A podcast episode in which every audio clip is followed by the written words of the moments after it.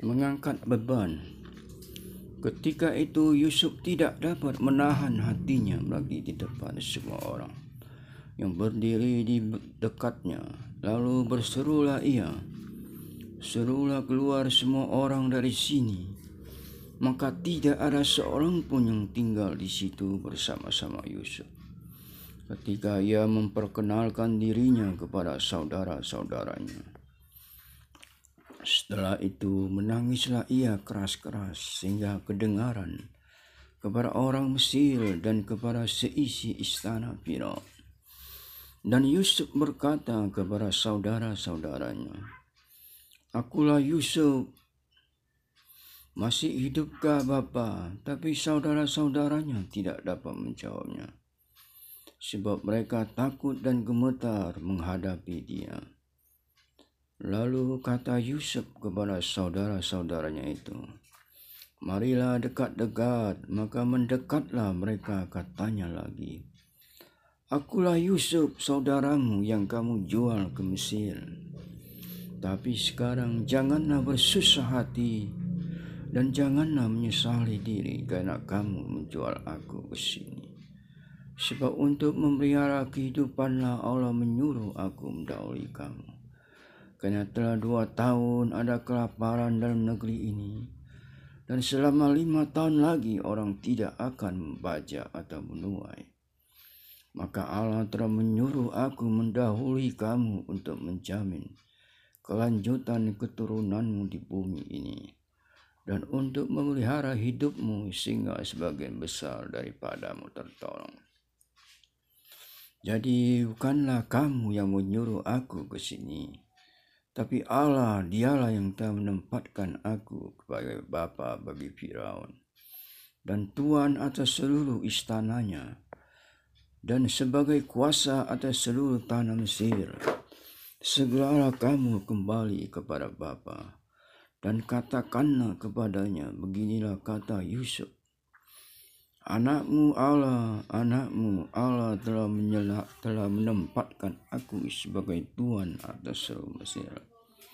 Datanglah mendapatkan aku, janganlah tunggu-tunggu. Engkau akan tinggal di tanah Gosem dan akan dekat kepadaku.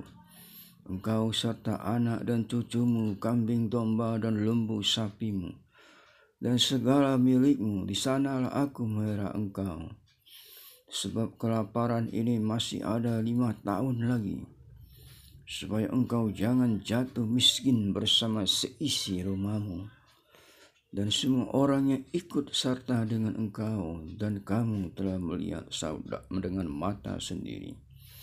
Dan saudaraku Benyamin juga, bahwa mulutku sendiri mengatakannya kepadamu Sebab itu ceritakanlah kepada Bapa segala kemuliaanku di negeri Mesir ini. Dan segala yang telah kamu lihat. Kemudian segera bawa Bapa kemari. Lalu dipeluknya lah leher penjamin adiknya itu dan menangislah ia dan menangis pula Benyamin pada bahu Yusuf. Yusuf mencium semua saudaranya itu dengan mesra dan ia menangis sambil memeluk mereka. Sudah itu barulah saudara-saudara yang bercakap-cakap dengan dia. Tapi sekarang janganlah bersusah hati dan janganlah menyesali diri karena kamu jual aku ke sini. Saat itu adalah akhir pekan terakhir pada musim pertandingan bisbol. Pada tahun 1968, Bill Valentine menjadi wasit dalam pertandingan antara Detroit Tigers dan New York Yankees. Dutch Sam adalah pelempar bola tim Detroit. Dan sepanjang musim itu ia telah mencetak 19 kemenangan bagi timnya. Jika ia dapat mencetak satu kemenangan lagi, maka ia akan menjadi bintang namun hal itu tidak terjadi. Setelah pertandingan yang berlangsung ketat, Wickelson menepuk bunda sang wasit untuk minta istirahat. Dan pertandingan bisbol menyentuh wasit merupakan pelanggaran sehingga Valentin mengeluarkannya dari pertandingan dan ia pun kehilangan kesempatan untuk mencetak kemenangan ke-20.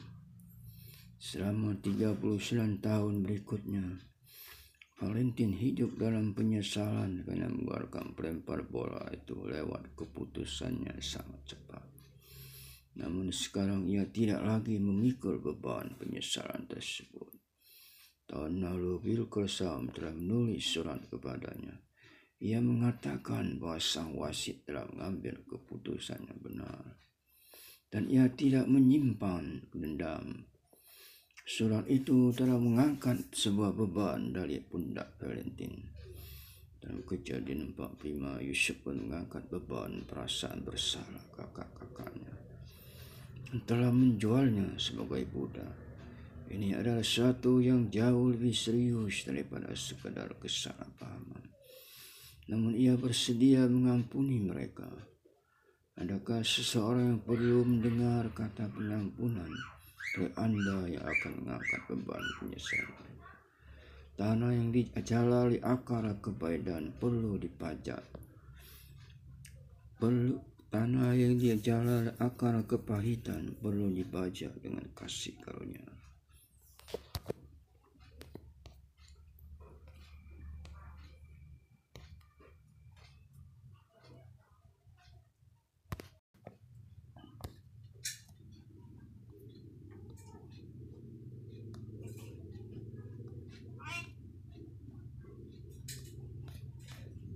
Dorongan dari belakang.